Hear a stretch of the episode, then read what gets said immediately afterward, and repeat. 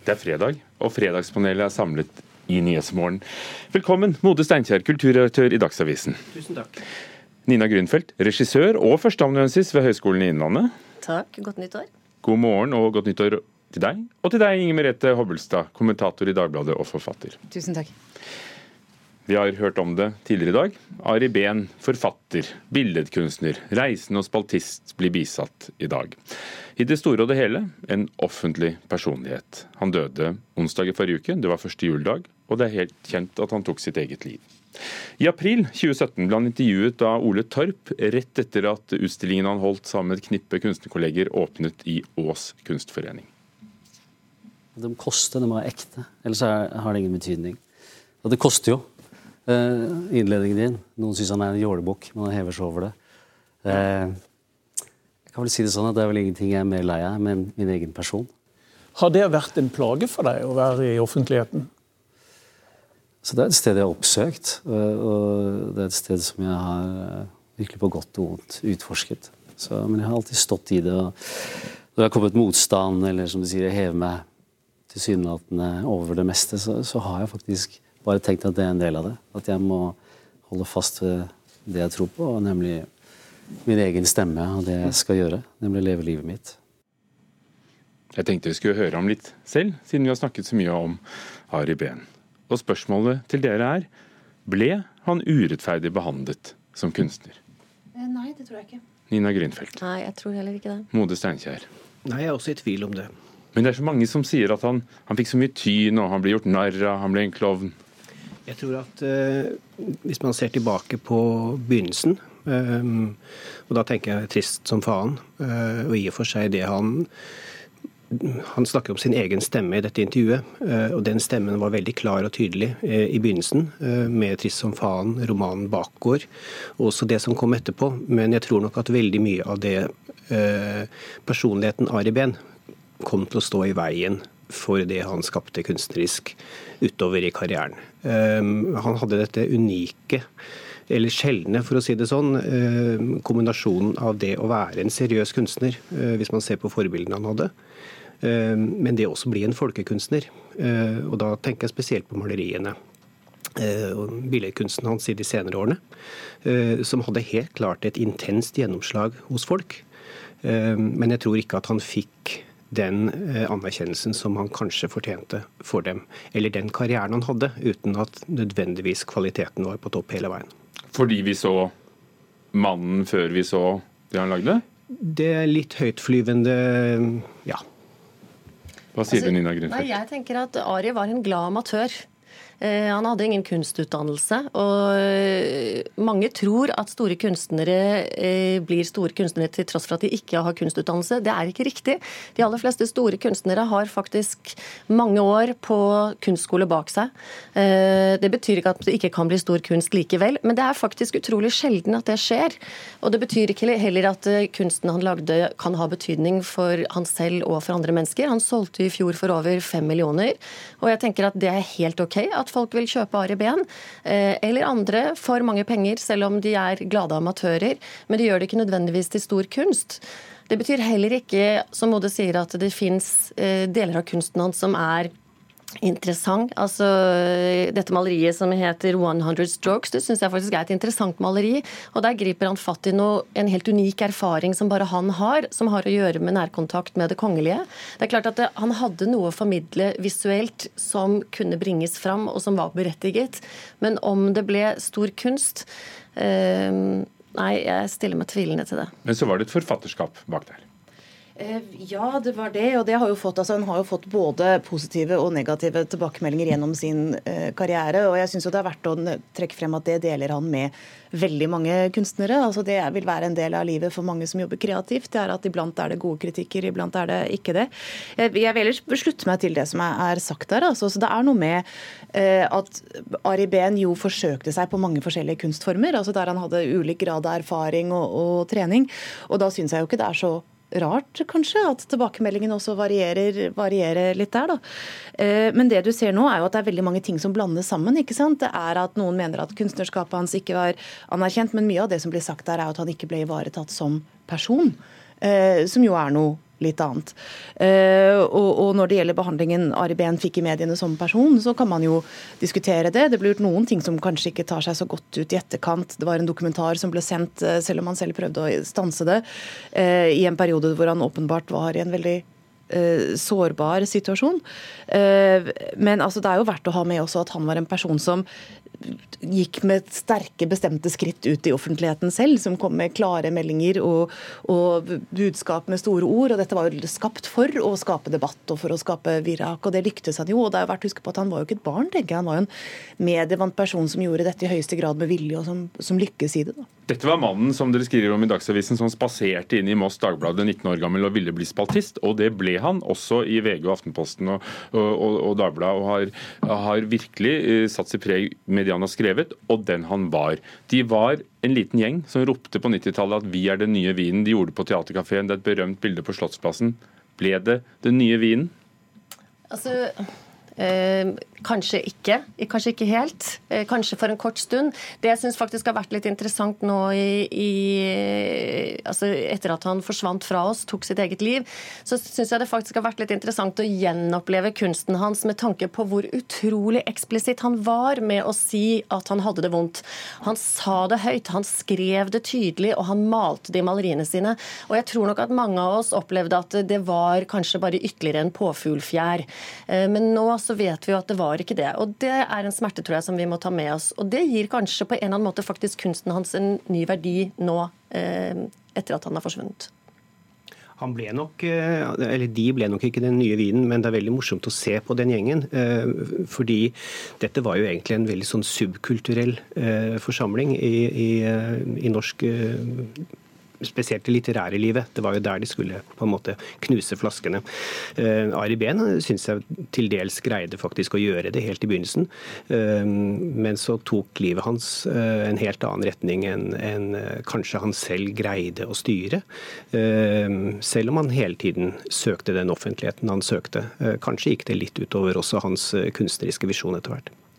Du kan jo også si at Ari Behn var en mann som, altså hvor det åpenbart kom naturlig fram å bruke ganske store ord, veldig følelsesladde ord, på en måte som var ganske annerledes enn ganske mange andre forfattere i, i, hans generasjon og i samtiden. Og dette gjorde jo også at han var veldig lett å parodiere. altså Det var veldig lett å ta hans karakteristiske, hans måte å snakke på, eh, og, og, gjøre til en, en, karikatur, som for øvrig også skjer med flere personer i offentligheten. Men når jeg hører disse klippene vi hørte på begynnelsen, så kjenner jeg meg liksom ikke igjen i dem. altså Det var en påstand om at han han ble oppfattet som arrogant. Det er ikke slik jeg husker eh, folk snakket om Ari Behn, eller, eller, at det var måten han ble omtatt i mediene eller noe. Jeg har vel kanskje snarere inntrykk av at, at det var en viss varme i de parodiene, og at han etter hvert ble eh, en del av den litt sånn utvidede familien for mange som kongefamilien eh, blir. da. Så jeg, jeg, er ikke så sikker på om den parodien eller den oppfatningen av ham var så kald da, som noen nå sier at det var. Nina Grünfeldt, hadde vi, hadde vi trengt Ari Behn litt til? Ja, det tror jeg. Altså, Vi trenger alle. Og selvfølgelig hadde vi da også trengt han. Så det er kjempetrist at han valgte å ta livet sitt. Hva var det første dere tenkte på da dere hadde satt dere ned i hver deres avis og, skulle skrive om Aribien? Jeg tror at jeg tenkte på eh, altså, På en eller annen måte så ble man litt kjent med Ari Behn på nytt. Eh, man måtte ta en ny stilling til, til hvem han hadde vært. fordi jeg tror nok han greide i veldig stor grad Ehm, å bli en annen skikkelse enn han egentlig var, i en offentlighet som ikke egentlig hadde rot i virkeligheten. Eh, jeg tenkte at han var en person som ble kalt posør veldig veldig ofte, men at han kanskje også var en slags uskyld. Da. Eh, og at det var noe veldig oppriktig ved det han drev med. Vel så mye som at det var noe oppstilt ved det. Vi skifter tema. Søndag skal Hollywoods utenlandske journalister belønne årets eh, filmer og TV-produksjoner med Golden Globe-prisene. Det skjer for 77. gang, en lang tradisjon. Og for femte gang skal den engelske komikeren eh, Ricky Gervais lede showet, og, da er det ekstra mange som ser på, det, det, vet vi. Et svensk medlem av Hollywood Foreign Press eh, avslører i Aftenbladet, gjengitt i VG, noen av stjernenes krav. Leonardo DiCaprio krevde at eh, en rødlistet fisk som sto på gallamenyen skal fjernes. Han er engasjert i verdenshavenes ve og vel, og Joaquin Phoenix er selv veganer og krevde at desserten uh, måtte forandres. Den kunne ikke holde, inneholde noe med melk. Burde Golden Globe gitt blaffen i kravet fra stjernene? Ja. Nei. Fra et kynisk perspektiv, nei. Fordi Eh, fordi eh, Golden Globe-prisene de er jo mye styr rundt dem hvert år fordi de er rett før Oscar, og de blir sett på som en sånn eh, eh, At man kan spå Oscar-prisene ut fra hvem som vinner Golden Globes. Men egentlig er det jo bare tull. Det er en liten klubb av, av 88 journalister som i mange tilfeller ikke, har, sånn, ikke er nødvendigvis filmutdannet eller filmkyndige. Og, og, og, de er ikke kjent for å være veldig prestisjestunge priser. Derimot har de ekstremt masse eh, stjerner på den røde løperen. Det er litt derfor de får så mye oppmerksomhet. For de har en hel haug av skuespillerkategorier. De har forskjellige kategorier for drama, for komedie. De har både film og TV. Så det er liksom der du får se hele opptrinnet av hvem som er stjerner akkurat nå. Og, og de er selvfølgelig avhengig av å ha så mange stjerner som mulig, og da bare selvfølgelig følger de, seg, følger de seg etter alle krav. Steinkjer, da må jo stjernene få det som de vil? Ellers kommer de ikke. Ja, dette er jo, som, som Inger Merete sier, dette er jo egentlig eh, Hollywoods svar på Svenske Akademien. Denne klubben som da er, er antikvarisk. Eh, stemmene betyr kanskje ikke så veldig mye, men de har greid å få ekstremt stor makt. Og det har de pga. at de har med seg selvsagt eh, tunge medieaktører som sponsorer. Og gjennom året så har de også veldedighetsarrangementer som, som genererer ekstremt mye penger, og stjernemakt. Ja, en rødlistet fisk den kunne de godt fjerna fra en meny.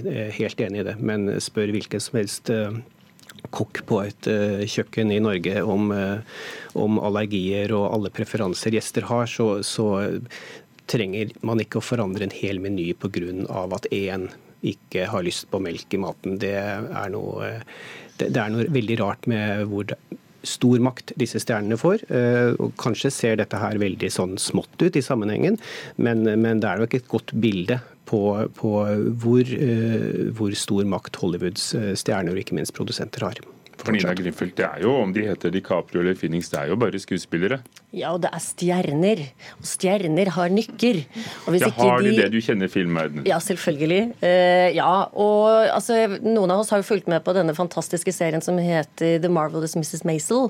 Og Der får vi jo lære at når hun skal kjempe seg opp i stjerneverden, så får hun beskjed om at hun må ha noen nykker. Og Det resulterer da i at manageren på vegne av henne velger at hun til enhver tid skal ha flere hundre gule teddybjørner på alle hotellrommene.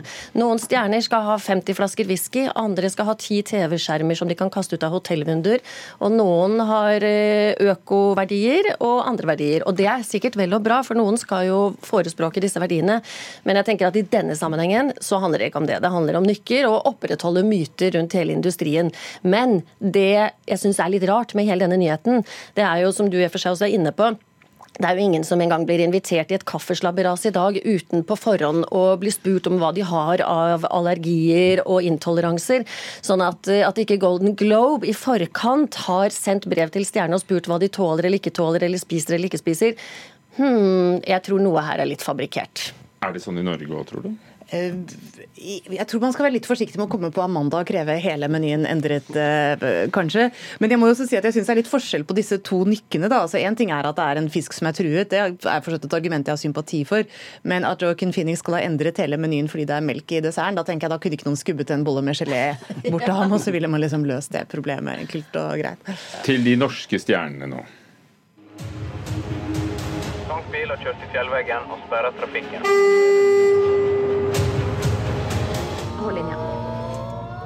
Fra katastrofefilmen 'Tunnelen', som hadde premiere i, eh, i, julen, over 85 000 har sett den. Den ble slått i julen bare av Frost 2 og den siste Star Wars-filmen.